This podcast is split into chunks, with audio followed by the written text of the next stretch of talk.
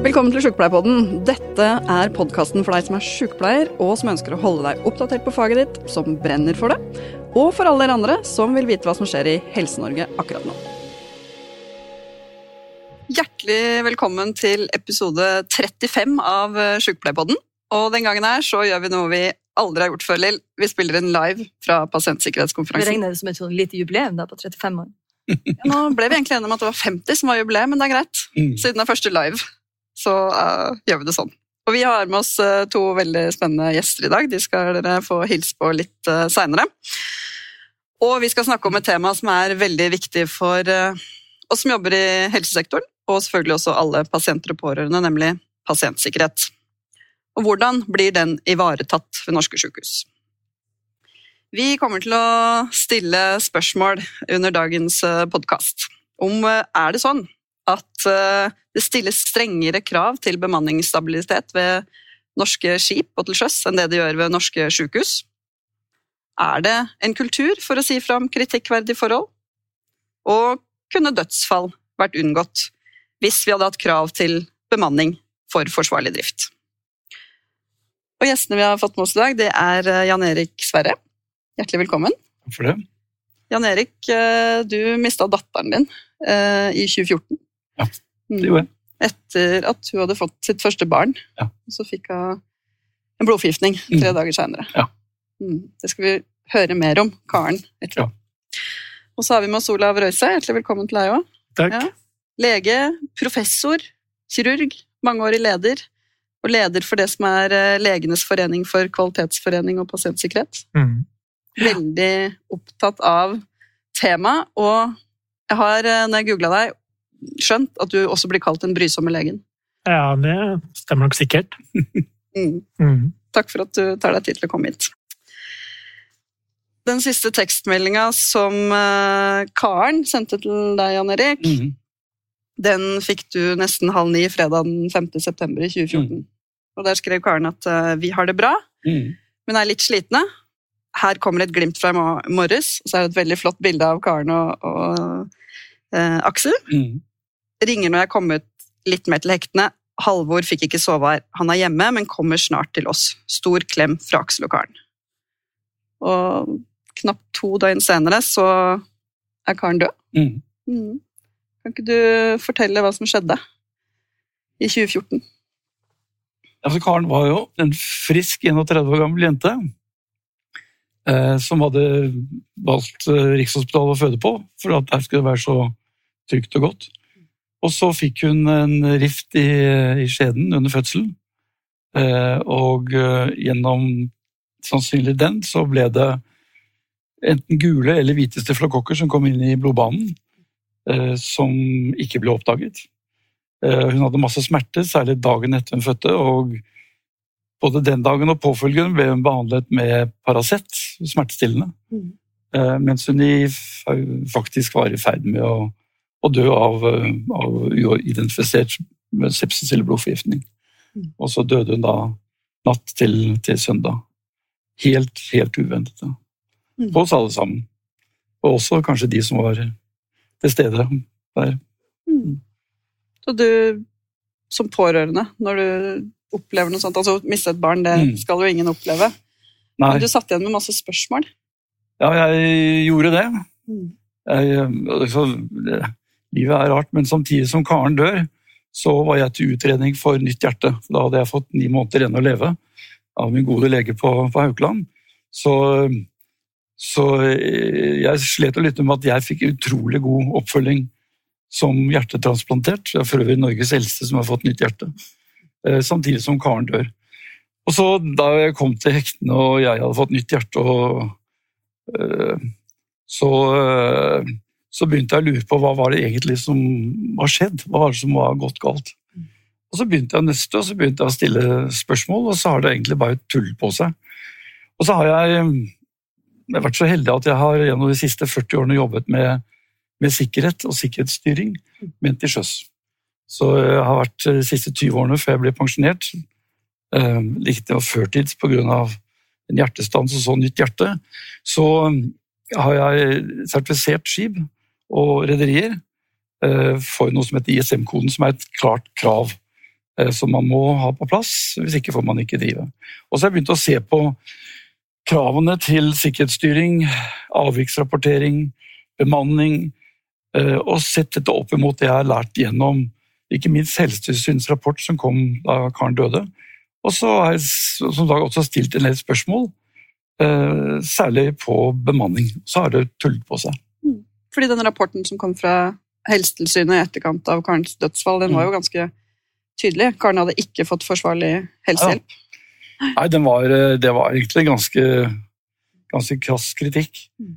Uh, og det som gjør at jeg egentlig sitter her i dag, det var tilsvaret fra Rikshospitalet på første utkastet. Mm. For det var en sånn fullstendig fraskrivelse. Det var ingen unnskyldning, eh, ingen forklaring, stort sett bortforklaring.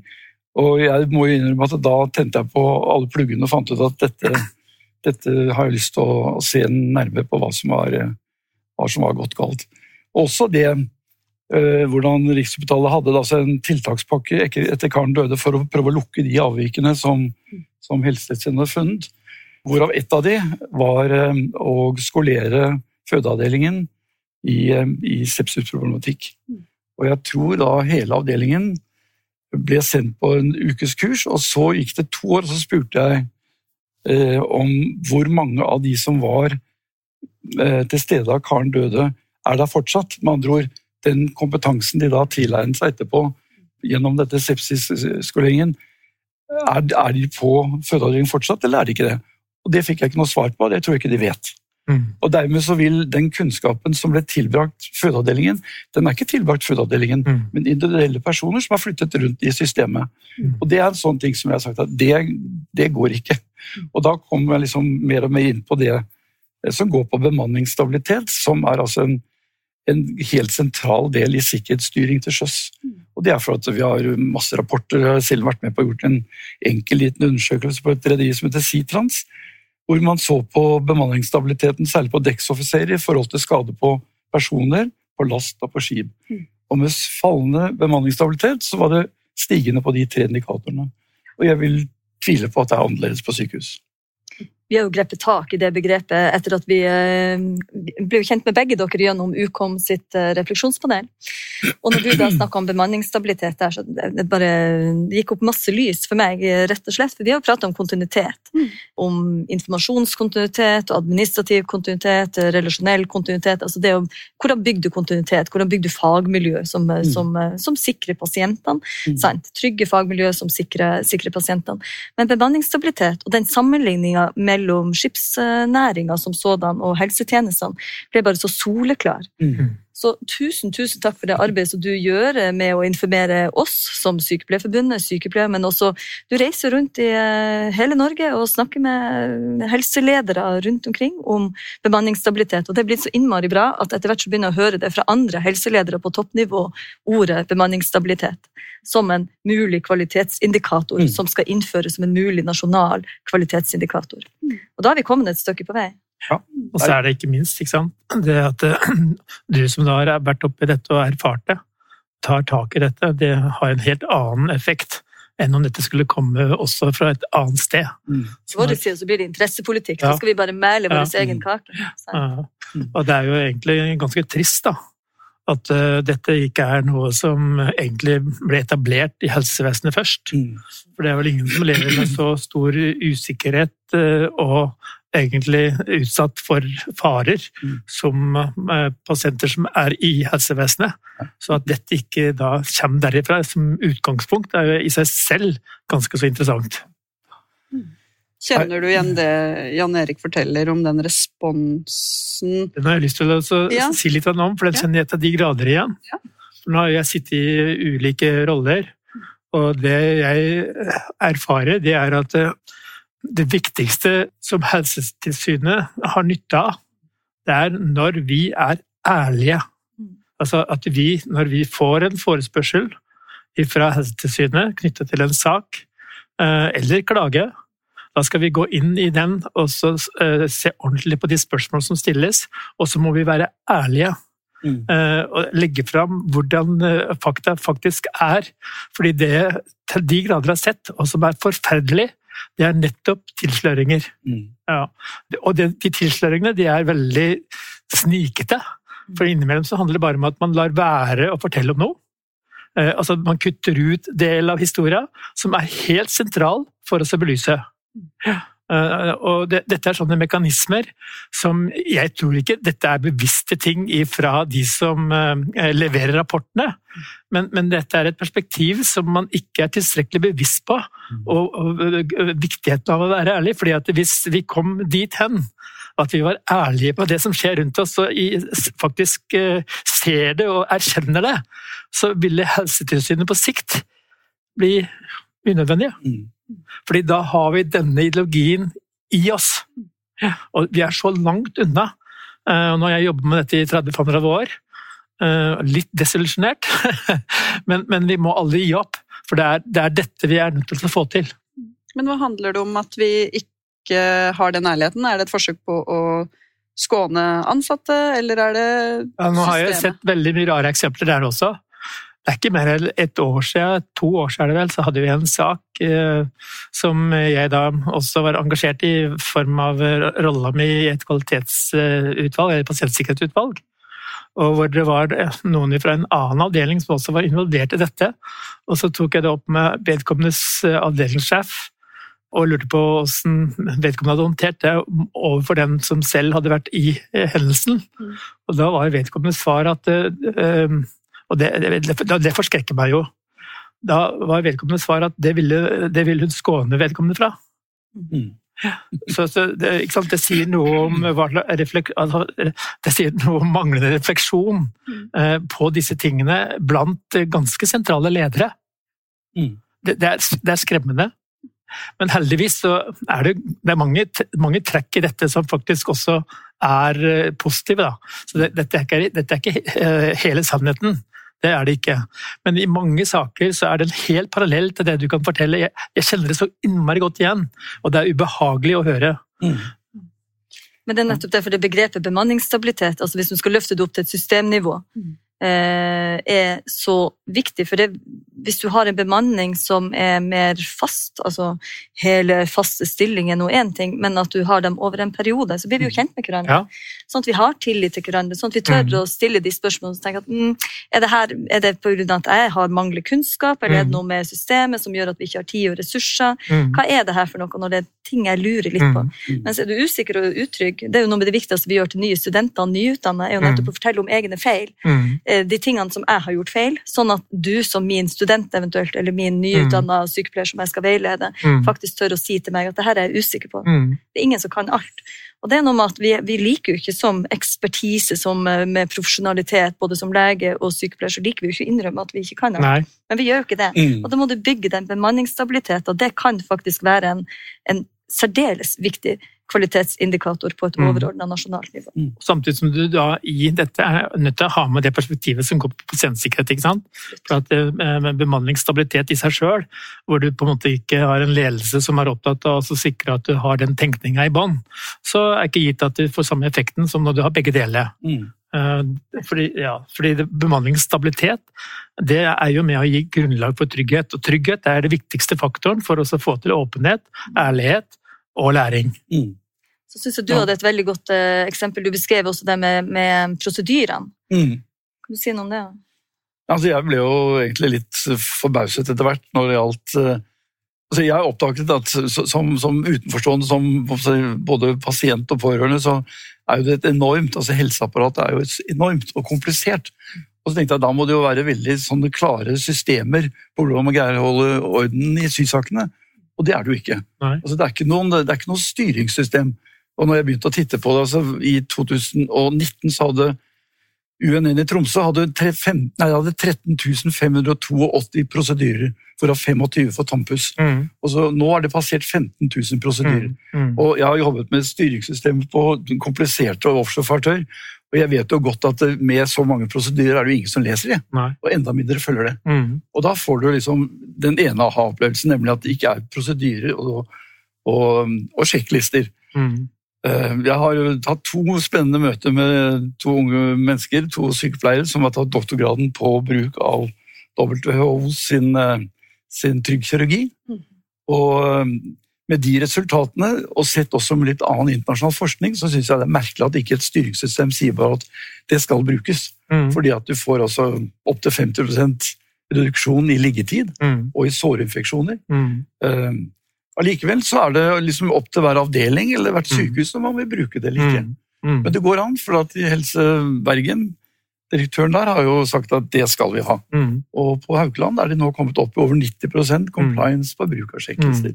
Som jeg er helt overbevist om. For Mm. at jeg kommer fra en verden eh, hvor det som ikke kan måles, kan heller ikke kontrolleres. Ja. Og Derfor ble jeg veldig forbauset over at når du ser på sykehusene sine policyer og styringssystemer, så er det jo ikke noe krav til målbare pasientsikkerhetsmål. Nei, men vi er veldig gode på å måle andre ting. Ja. Vi er veldig gode til å måle eh, ventelister. Mm, Vi er veldig gode til å måle eh, tidsbrudd i forhold til ventelister, og så er vi også flinke til å skjule reelle tidsbrudd, altså ventelistebrudd. Eh, Vi er veldig flinke på en del ting, Mm. men det er også å fokusere på de helt gærne tingene. For det er jo akkurat det. For det er jo, det er jo mye målinger. Ja, det er masse målinger. Knytta til økonomi. Men det er klart at de er jo også de er jo dreid i en retning som for at de skal selvfølgelig sørge for en pasientsikkerhet. Vi har måling på sepsis, blant annet, Ja, ja, og de ja nullvisjonene som vi har snakket om i dag på pasientsikkerhetskonferansen. Og det med mm, trygge hender, eh, hva det heter, en pasientsikkerhetskonferansen Ja, ja. i sin tid. Altså, det, er jo, det er jo også målbare elementer i det, men det er jo nettopp det måler vi de riktige tingene. Riktige tingene. Eh, og hvordan kvalitetsindikatorer er det i så tilfelle? Hvordan målbare elementer er det innenfor sykepleietjenesten, Mm. som tross alt er dem som er nærmest Mm, mm. pasienten 24-7. Ja. Eh, det er ikke visitt, vi er der hele tida, og så er det veldig lite kvalitetsindikatorer som egentlig måler den, den jobben vi gjør. Det er jo de Eh, observasjonene, da, ikke sant, Jan Erik? Tanke på hvis man har hatt den kunnskapen, de, så, og hatt tid altså, Mm. det tar, Man krever både kunnskap og tid å drive Mm. god sykepleie. Ja. Altså, Kan jeg, jeg har vært styreleder eh, i den interregionale styringsgruppa for Nasjonale kvalitetsregistre i ca. ti år. Mm. Og nå ble det jo liksom eh, at alle registre som er nasjonale, der er det krav at alle sykehus som har pasienter som skal inn, som behandles innenfor rammen av et nasjonalt register, de skal jo da meldes inn. mm, Og så er det også naturlig slik at kunnskapen skal bringes tilbake og brukes. Mm. Det vi har slitt med i alle de årene hvor jeg satt i denne rolla, det er at øh, øh, sykehusene ikke meldte inn. mm. Kunnskapen som dette genererte, og som er helt verdifull, som er basert på faglighet, faktisk, for det er fagmiljøene sjøl som har lagd indikatorene, eh, ble ikke brukt.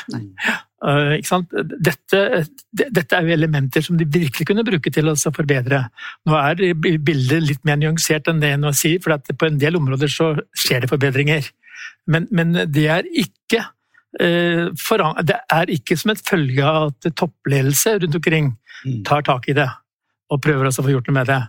Eh, Det er fagmiljøene selv for så vidt eh, tar grep. Mm. Men- men, eh, og eh, ildsjeler. Der, der er du igjen, da, er måler vi de riktige tingene, og så blir jo vi som sykepleiere blir gjerne satt også til å gjøre det administrative arbeidet knytta til eh, det. Og hvis du ikke da tenker at det er de riktige tingene vi måler, eller at du enten ikke forstår hvorfor det her, eller at det tar for lang tid. Sant? Hvis det tar to år før du får en tilbakemelding på de dataene du har levert inn, så er det ikke en lærende eh, organisasjon. Mm. Snakk om bemanningsstabilitet igjen, da er du på i alle andre retninger rundt. Men jeg blir jo spent på å høre ikke sant? Eh, Jeg, vet, jeg husker ikke lenger hvor mange prosedyrer vi har i vårt sykehus, men det er nok mer enn de 16 000. Eh, og det er jo ingen som kan forholde seg til det, det er jo helt åpenbart. eh, Og det skjønner jo alle også. Mm. Men det er de som det vises til når ting går galt. Ja. Du sa noen ting også om det fra 198 til 200 eller noe sånt. Det var to Ja, Hvordan, hvordan, hvordan er det hos, i, i den industrien du da har erfaring med på dette? Hva har de, gjorde de? Nei, altså det, man måtte gå tilbake til scratch, og så måtte man, har vi brukt mye tid på å revidere rederiene sine styringssystemer Mm. på basis av input fra folk. og det er Altså, når, man, når man lager et styringssystem, så, må, så I begynnelsen så glemte man faktisk at alle de som står om bord, de er både kompetent, de er skolert og de har til og med sertifikater på det de skal gjøre. Mm. Så det skal ikke være lærebok. Og hvis du går inn i en prosedyre på et sykehus, vil jeg tippe at det er en, en beskrivelse på hvordan du skal gjøre ting. Ja. altså, er, du, er du utdannet sykepleier, så trenger du ikke en prosedyre som forteller hvordan du skal gjøre jobben din, for den kan du. Men det er alle de små punktene som du kan glemme i prosessen. Mm. Så det at man må finne prosedyrer som er sikre bare at du gjør det du, du skal gjøre, og at det er en sjekkliste som, som støtter deg i det. Mm. Så øh, jeg aner ikke hvordan man skal komme tilbake igjen til null, altså, men når man har et styringssted på 15 000 prosedyrer, Mm. og så begynner å luke ut det, det er jo noen kjempejobb, men jeg mener at den må gjøres. Mm. Men litt tilbake til akkurat det, unnskyld. Ja, nei, vær så Men, god. men det med, med når, når situasjonen rundt karen, og det skjedde, så var det jo òg noen med prosedyrer på sepsis. Ja da. Altså, Det, det ble, kom jo frem at, øh, at øh, sykehuset hadde jo ikke prosedyrer som tok hånd om kvinner som ikke følte normal fødsel, altså fikk en infeksjon sånn som Karen fikk. Slik at de hadde ikke noe dokumentgrunnlag. Så da ble laget tre nye prosedyrer for fødeavdelingen. Men de, når jeg spurte de, så hadde de 380 fra før.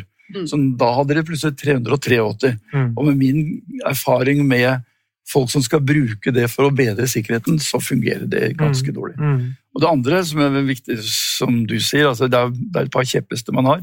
Det ene er bemanningsstabilitet, men det andre er altså å ha en lærende organisasjon Mm. eh, og en åpen sånn no blame-kultur. Mm. Og jeg må innrømme at jeg måtte bruke en del press for å få ut avriksrapporten etter at Karen døde. Men tenk på det. Ja, og, når jeg, og da brukte man en begrunnelse som også er et problem i seg selv, nemlig at hvis alle de på sykehuset skulle vite at pårørende som hadde mistet en, eh, et barn, ville ha innsyn i dokumentasjonen, Mm. så ville det gjøre at de som jobbet der, ikke rapporterte feil. Mm. Det var altså en, en sånn fryktkultur. Mm. Og det sier jo noe i seg selv som et kjempeutfordring. Ja, det er en kjempeutfordring. Men når vi da endelig fikk den ut, da, etter Mm. noe press, så står det dessverre eh, at eh, de kunne ikke se at de kan ha gjort noe annet som kunne forhindre at Karen døde, Mm. eller de kan heller ikke se at det er noen stor læringseffekt Mm. gjennom dødsfallet. Mm. Med en sånn negativ avviksrapport hadde jeg fullmakt fra norske sjøfartsmyndigheter til å holde et skip tilbake. Mm, altså, hvis jeg klart fant en slik avviksrapport som viser At vi ikke at kan vi fikse opp ikke kan lære ting. Ja, men det er, dette er egentlig gjennomgående slik det ofte har vært. Altså. Og det er, det, er, det er for uroligende at det er sånn. Eh, og dette handler jo egentlig om at eh, selv om det sant, vi er en forskningsinstitusjon, Mm. eh, innovativ, Mm. og så klarer vi ikke å være nysgjerrige nok Mm. til å finne er det noe vi her kunne ha gjort bedre. Den nysgjerrigheten som er grunnlaget for all forskning, Mm. den er altså ikke til stede når vi skal selv sjekke ut om, eh, om det er noe vi kunne lære av. Mm. Ja. Det, det, er, det er helt utrolig. Når jeg, altså, når jeg uttaler meg nå, så jeg, liksom, jeg ser at jeg har altså Jeg er jo veldig lei meg og veldig skuffet Ja. og alt rundt det som skjedde med Karen. På en annen side må jeg jo si at jeg har aldri blitt fulgt opp på en bedre måte enn når jeg fikk Nei. nytt hjerte. Altså, er der er det liksom blodprøve hver tredje måned, og de Ja. ringer meg fra Thorax. Så? Jeg har jo et veldig sånn dobbeltsidig forhold til, til helse. Ja. Litt ambivalent, men jeg har lyst til å få frem også at, måten jeg ble tatt hånd på selv etter, etter nytt hjerte, den har jo vært helt strålende. Det er jo også sant? Det er jo noe vi alle egentlig er enige om. Mm. At, sant? Det meste er jo på stell. Mm. Og det meste går jo helt greit, og alle er fornøyde. Mm. Men eh, allikevel, det, gjør ikke, det medfører ikke at vi ikke skal være obs på der vi har risiko. Nei. Fordi det er der vi faktisk kan gjøre ting bedre. Ja. Jeg har, eh, liksom For å finne litt innspill for andre miljøer enn shipping, så må jeg si at de som kanskje har kommet lengst, er jo flyindustrien. Og der har jeg kontakt med en kar som heter John Cox, som sitter, tidligere satt den amerikanske flyhavarikommisjonen. Og han fortalte meg når det gjaldt akkurat dette med å se når ting går galt, og lære av det, det er at det, i Amerika så dør det av uønskede eller sånn alvorlige hendelser eh, tilsvarende at en Boeing 737 skulle ramle ned hver dag. Altså Ja, er, jeg, har, jeg har tallene. Ja. Eh, Det er den tredje største årsaken til eh, dødsfall i USA, er medisinske feil. Og han sa liksom hadde, hadde myndighetene sett på sykehusdrift på samme måte som det på flyindustrien, Mm. så hadde det ikke vært et fly som hadde fått lov til å fly Nei. med at det, hvis det hadde vært så stor som det er på sykehusene. Mm. Nemlig at det ramler ned en Boeing 737 Mm. hver dag. Mm. Derfor er de nullvisjonene er jo utrolig viktig. Ja. Det er altså first do no harm, at du skal ikke, du skal ikke ha de skadene Mm. eh, på, på, i helsetjenestene. Mm. Og det er jo noe å strekke seg etter, og vi har jo en vei å gå, selv om vi er verdens beste helsetjeneste. For vi har Mm, det også. Men så bare sitter og tenker, er det noe, er det noe sånn kjønna greier i det? For at vi vet jo at hjerte og akuttberedskap og det, der, er- der har vi jo gjerne strømlinjeformer, vi har Mm. standardisert, vi trener på det stadig vekk. Vi gjør kanskje ikke helt det samme på, innenfor kvinnehelse, eh, for jordmødre, for sykepleiere, og kanskje særlig sykepleietjenesten. Mm. Det er lagt av særdeles lite tid til, um, til trening og opplæring og felles refleksjoner om hva var det som skjedde i det her. Mens eh, når du har det medisinske, kanskje, og særlig det akuttmedisinske, så er det i langt større grad strømlinjeforma og, og trent på. Mm. Der er det jo faktisk sånn at vi har på mange måter sertifisering. Mm. Eh, Jeg har jo selv ledet arbeidet som medførte at vi fikk en nasjonal strømplan i 2006-2007. Og, eh, og det er jo litt spennende i denne sammenhengen, fordi det vi gjorde der, det var også å være veldig tydelig på at eh, hva er det som skal til for at vi skal kunne redde en pasient som kommer på et sykehus. Mm. Og da lista vi for så vidt opp da, hva er det som skal til. Og da er det en del prosedyrer du faktisk er nødt til å kunne håndtere.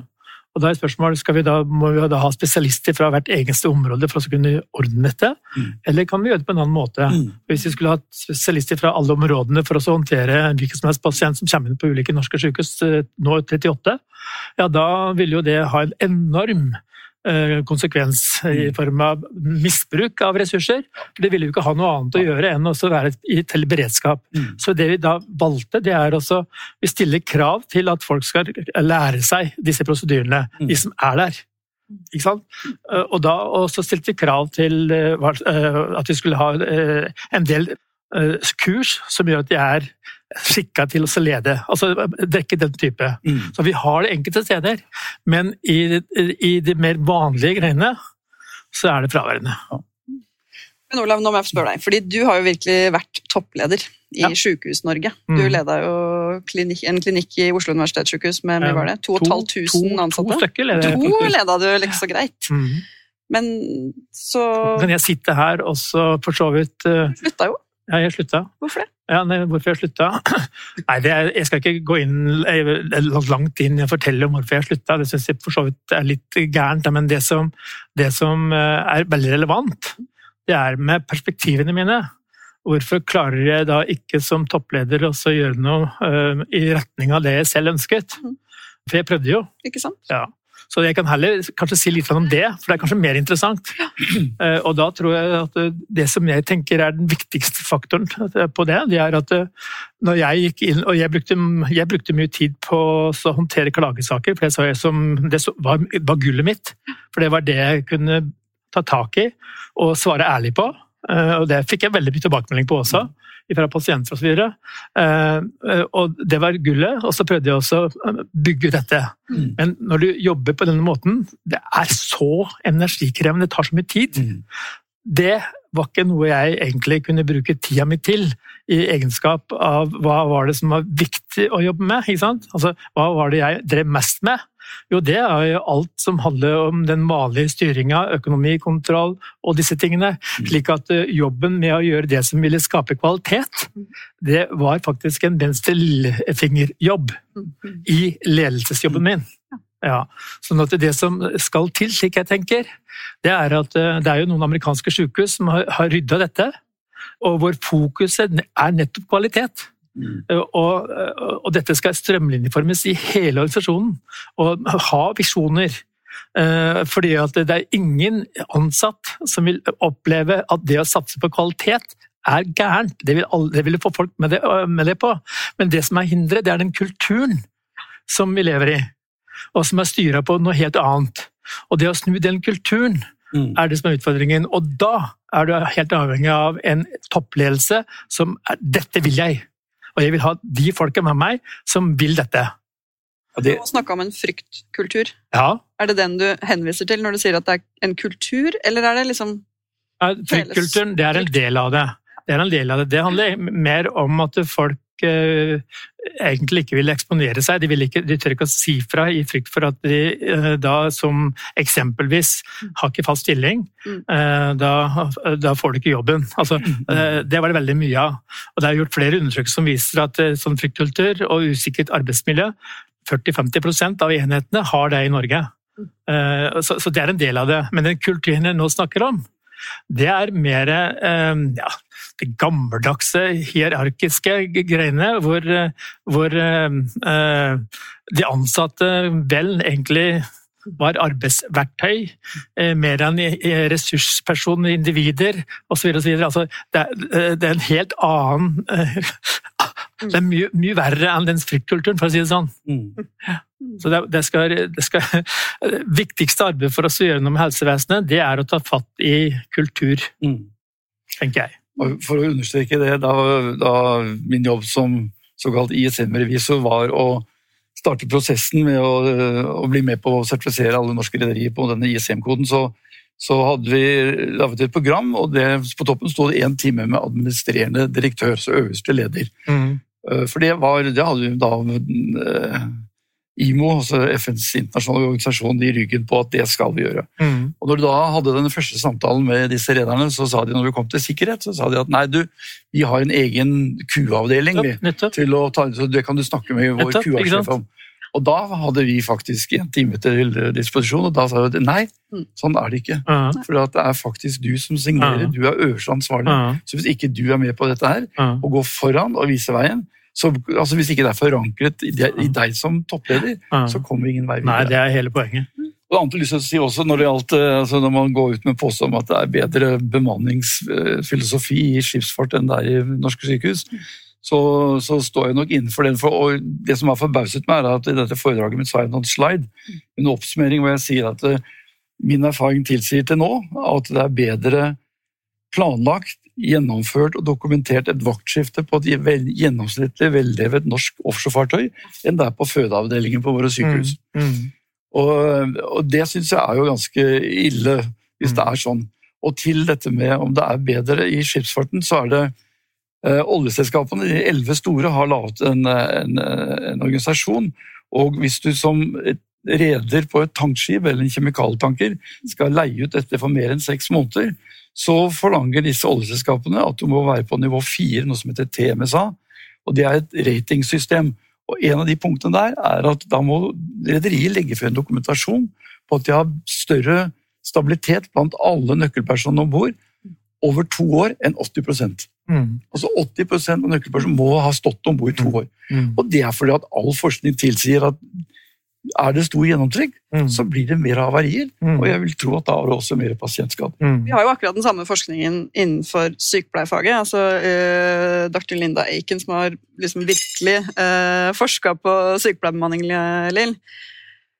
Det er Mm. kjempestore eh, tall hun henter fra Iron Forecast. Da sier de at det er faktisk per eh, Hvis en sykepleier har ansvar for én pasient mer, så Mm. blir det 7% større sannsynlighet for død innen 30 dager. Mm. Det, og det, er et en, altså det er et veldig stort Mm. tall. Hadde det vært liksom en ny medisin, eller noe sånn vi hadde sett det på, så ville jo man gjort noe med det. Vi har jo Mm. kunnskapen. Mm. Hva er det som hindrer Altså, vi opplever jo virkelig at vi møter en vegg når vi snakker med politikere om bemanning. Mm. Skal du ta Riksrevisjonen sin rapport her, Ja. også fra 2019, som eh, kommer med ganske krass eh, kritikk til Mm. helseforetakene, med manglende oversikt over bemanning, manglende planlegging for hvordan Mm. kompetanse som er nødvendig, altså, og, og mangel på sykepleiere innenfor intensiv og akutt og barnesykepleierkompetanse, og jordmor, selvfølgelig, Mm. flere andre.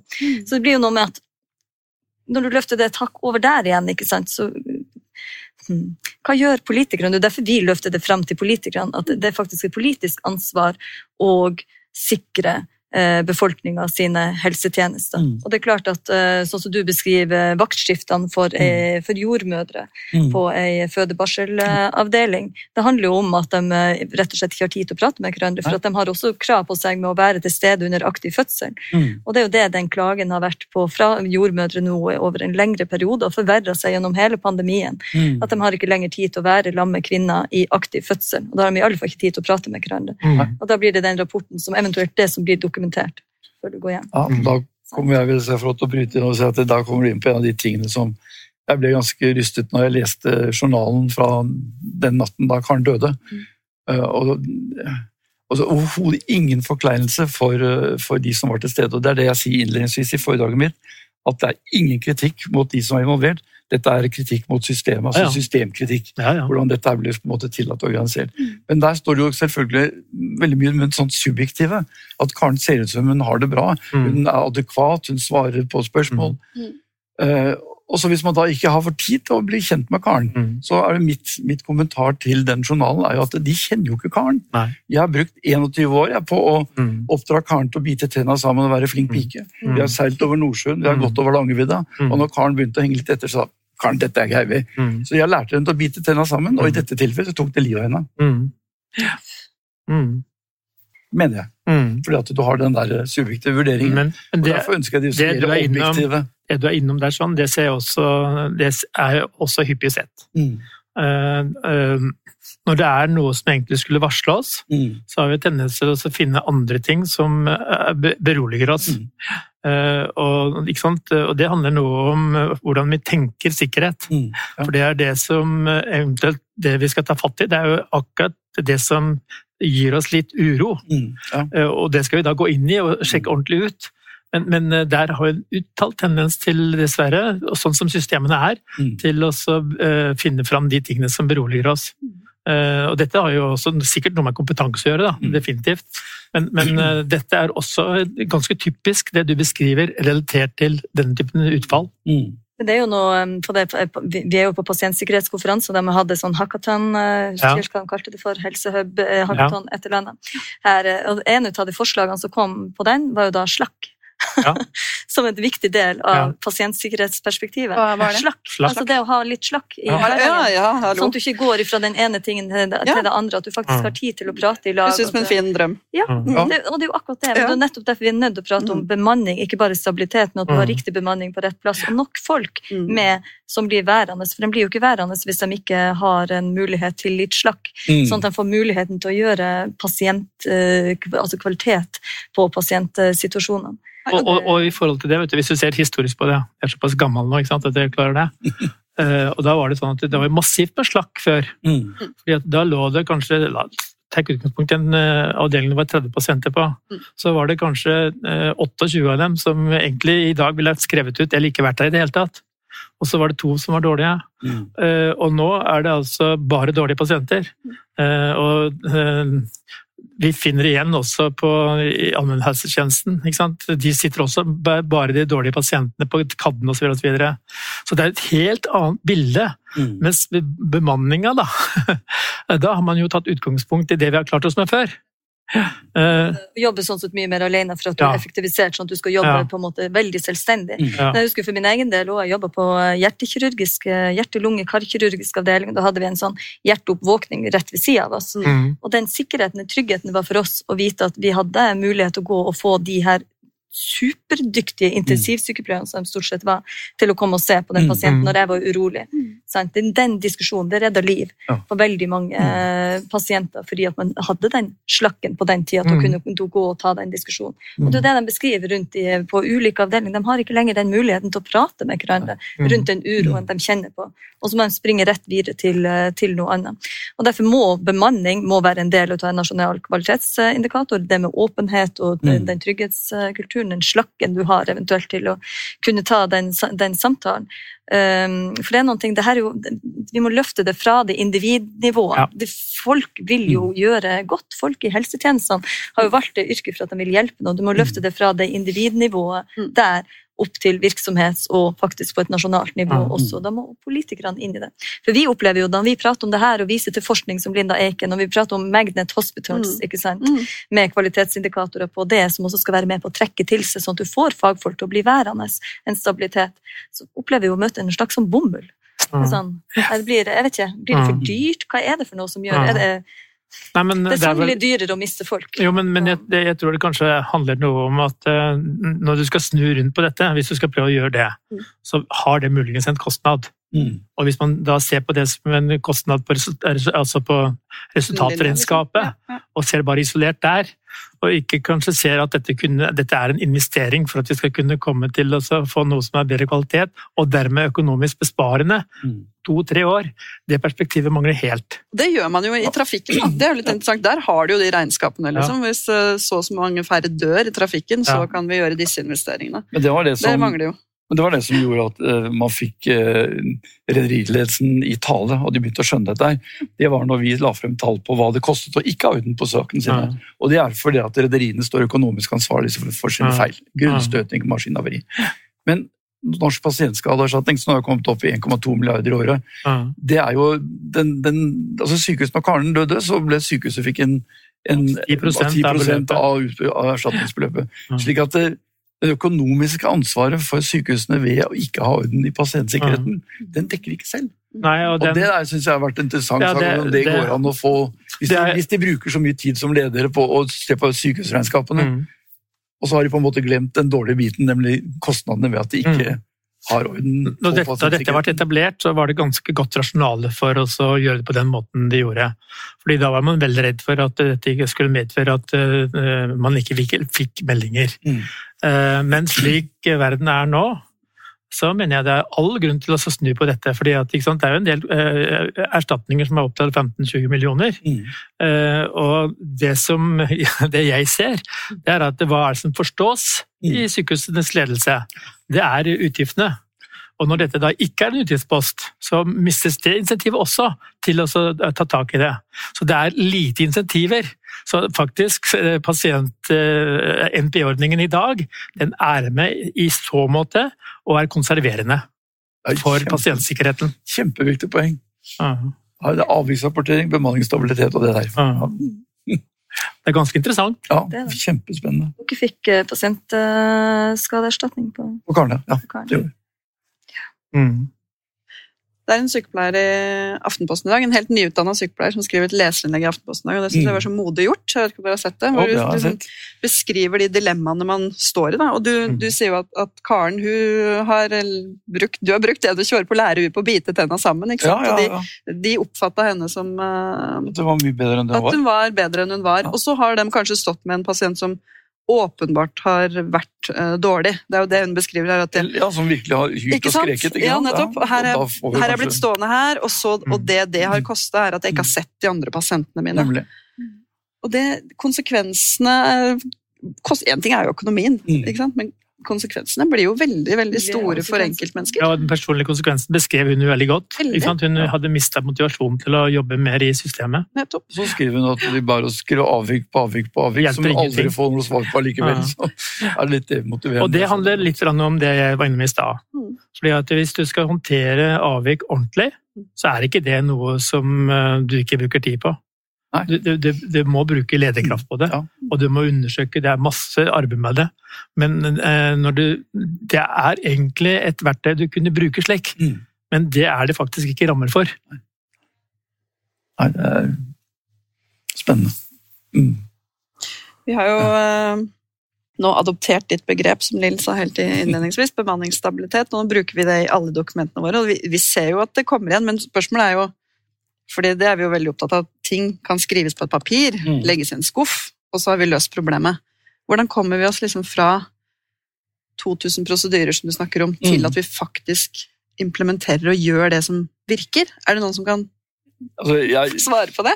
jeg, jeg leser jo med litt sånn trist Nå bla- bladde jeg opp igjen den rapporten som kom i 2000 og ja, et eller annet som altså, Det var vel regjeringen satte ned et utvalg for å se på om det var behov for å få ISO-sertifisering av norske helseforetak.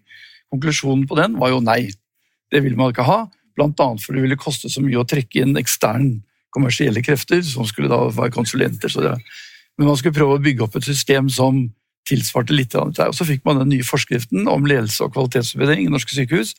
Der er det en paragraf som heter at en gang i året så skal ledelsen, og det, altså det er den som er, står på organisasjonskartet som øverste leder, skal en gang i året gjøre en såkalt ledelsens gjennomgang. Mm. Og det har vi terpet på i rederiene. Og det ble egentlig mange rederier sine treårsstrategier, nemlig konklusjonen i ledelsens gjennomgang. Og der skal det være en oppsummering av bl.a. hva som er gått gærent, men det skal også være hvordan man har greid å oppnå sine mål. Så hvis et sykehus blir enig om at ok, vi skal ha bemanningsstabilitet, og så finner man en måte å beregne på at ok, den skal ligge over 80% over tre år, så er det et målbart ting, og da skal det evalueres i denne ledelsens gjennomgang, og da får man sett har man nådd målet eller ikke. Hvis man ikke har nådd det, hva må vi gjøre for å nå det? Mm.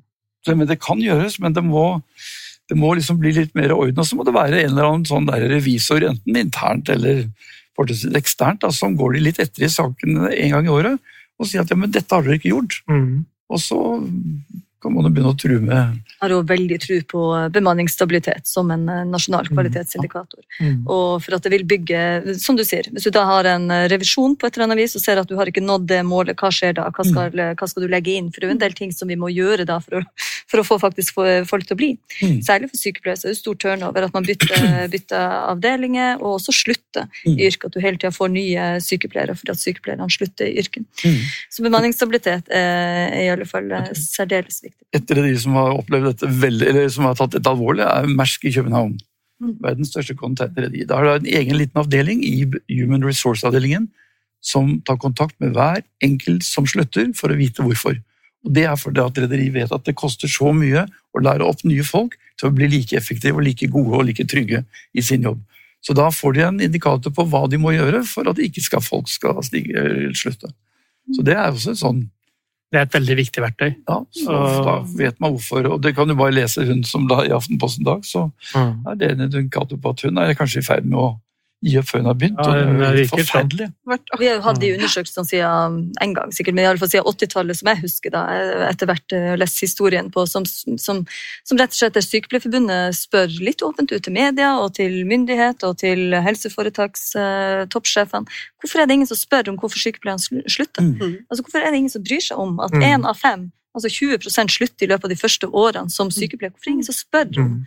Hva skal til for å klare å beholde de her mm. folkene i jobb? Mm. Det burde, det vi kan gjerne ta, og vi gjør jo de undersøkelsene. Da sier de i all hovedsak at belastninga er for høy, lønna er for lav, eh, Mm. de ser seg ikke sett av ledere, de eh, har ikke et fagmiljø, de går hjem med dårlig samvittighet. Altså, men belastninga er for høy, er jo det som er hovedgrunnen til hvorfor sykepleierne beskriver at de slutter. Og så Hvorfor gjøres ikke noe med det, når man da nettopp vet om eh, verdien av det for en pasientsikkerhet og kvalitet i tjenestene? Arbeid og kvalitet på et arbeidsmiljø. Også, det skal være trygt å være ansatt også. Mm. Og det andre er det med Riksrevisjon, som jeg er veldig spent på. Det var jo 2019. Mm. Eh, og hva skjer da? Videre, Nei, ja, det- Hvordan følges det opp? Det liksom Altså, så- Jeg hadde jo selv eh, litt sånn, eh, hva skal jeg si, ja, naivt forhold til eh, akkurat Riksrevisjonen. Mm. Eh, Og det er jo, har jeg fulgt med på Riksrevisjonen eh, i noen år. Men ikke sant, eh, blant annet når det gjaldt kvali- kvalitetsregisterfeltet, så hadde jo de en revisjon da, av dette som jeg beskrev nå i stad, med manglende, manglende oppmerksomhet og manglende ledelsesmessig engasjement i kvalitetsregistrene. Og den rapporten var ganske, den var ganske kraftig. Og da sitter man jo og håper at det skal skje noe. Mm. Men gjør det det? Nei. Nei. Det, det, bare, det, det bare legges bort. Mm. Eh, Og det er i seg selv eh, Det er nesten helt utrolig at det det kan være være enkelt. så er enkelt. et politisk ansvar. Også Ja, når vi da er det. ser på nord og områdene der. altså Ja. har du jo Kvalitetsregistrene og kvalitetsindikatorene som viser ganske lave markører på lavere enn flere andre Ja. eh, sykehus. Og da tenker jeg, Er det ikke da et nasjonalt ansvar, et politisk ansvar, å sørge for at du har en likeverdig helsetjeneste i hele landet, uansett Ja. hvor du bor hen? Ja. I alle fall til en viss grad av det. Da må du jo prøve å gjøre ting med de markørene når du, Ja. når du helt tydelig viser at hele Helse Nord Mm. sånn sett, leverer lavere på en del. eh, Ja, de punkter. leverer blant blant lavere på det registeret jeg selv er ansvarlig for. På Nasjonalt drømmeregister. Jeg spurte Riksrevisjonen faktisk forrige uke Ja. hva gjør du med rapporten. Og da sier de at vår praksis er at vi, vi følger den opp etter tre år. Mhm. Så den kom i 2019, så i, altså i 2022 Mm. så får vi håpe at de griper fatt i de punktene og ser om det er gjort noe. Mm. Og da får vi håpe at de ja, Men Hvis jeg gjør en guess basert på det jeg selv har når jeg sjekka litt ut, så er det svært mange ledere som ikke kjenner kvalitets, altså den kvalitetsforskriften da, i det Mm. hele tatt. ok. eh, Fortsatt. Sånn at eh, den er i liten grad implementert, tenker Mm. jeg. Er jeg redd for. Jeg bør kanskje si det. Og så blir den, der, så jeg har prøvd å finne ut hvem er det som reviderer det, og der Riksrevisjonen sier de har på en måte ikke noe med det. Nei. Så om, Nei, det har jo ikke det er en det. forskrift som ble gjeldende fra 1.1. i 2017, Ja. og i hvilken grad, som også inkluderer altså kravet om et årlig ledelsens gjennomgang. Mm. Om det blir gjort eller ikke gjort, det tror jeg ingen som vet. Det er liksom litt opp til hver enkelt sykehus. Ja. Det er jo litt som vi har snakket om, at? Mattilsynet kan jo stort sett stenge en restaurant hvis de oppdager noen ting. ikke sant?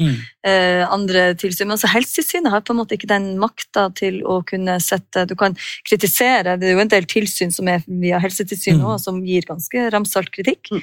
på, på en del, både på ernæring blant annet, som det har vært flere, på, på, på sepsis for en saks skyld, flere andre markører på det.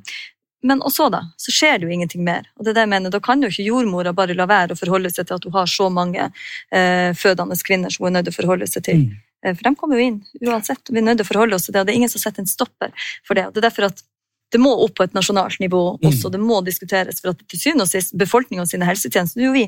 Vi er en del av befolkninga, vi Mm. alle sammen. Mm. Og hvis det ikke blir gjort fra et politikerhold, så må vi kreve at det blir gjort fra eh, Mm. nasjonale myndighetshold. Ja. så Mitt mitt utgangspunkt er jo hele tiden at folk gjør stort sett så godt de kan. Det det tvil. Og når det ikke skjer, så er det ikke noe galt med den personen. Nei, Det er systemet. det er systemet. Og da må det opp, som du sier, at eh, ja, for å få litt klarhet i hvem som skal beslutte hva her. Mm. Så at det blir fulgt opp, ja. Så det, Mm. og det skriver også Helsetilsynet i rapporten til, til Karen på avslutningsbrevet. Mm. At de kan ikke se at Rikshospitalet har skrevet noe om hvordan de skal evaluere eller følge opp de tingene de sier de skal gjøre. Mm. Så det vet jeg ikke om jeg har gjort.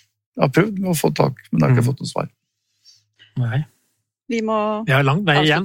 Det har vi. Vi Mm. har en lang vei igjen. Men Mm. uh, tusen takk for at du deler historien til Karen og uh, med oss alle. For jeg tror vi blir klokere av det. Og det er den ærligheten som uh, vi snakker om her, som er så viktig. kjempe. Mm. Mm. Og for en fantastisk måte å minnes Mm. eh, datteren din på. Så tusen takk til alle som har fulgt oss. Eh, Denne episoden blir også tilgjengelig selvfølgelig der hvor du kan lytte til Sykepleierpodden til vanlig. Og så har det forhåpentligvis vært noen som har sett på oss eh, live. Mm. Takk Takk skal dere du ha. I like måte.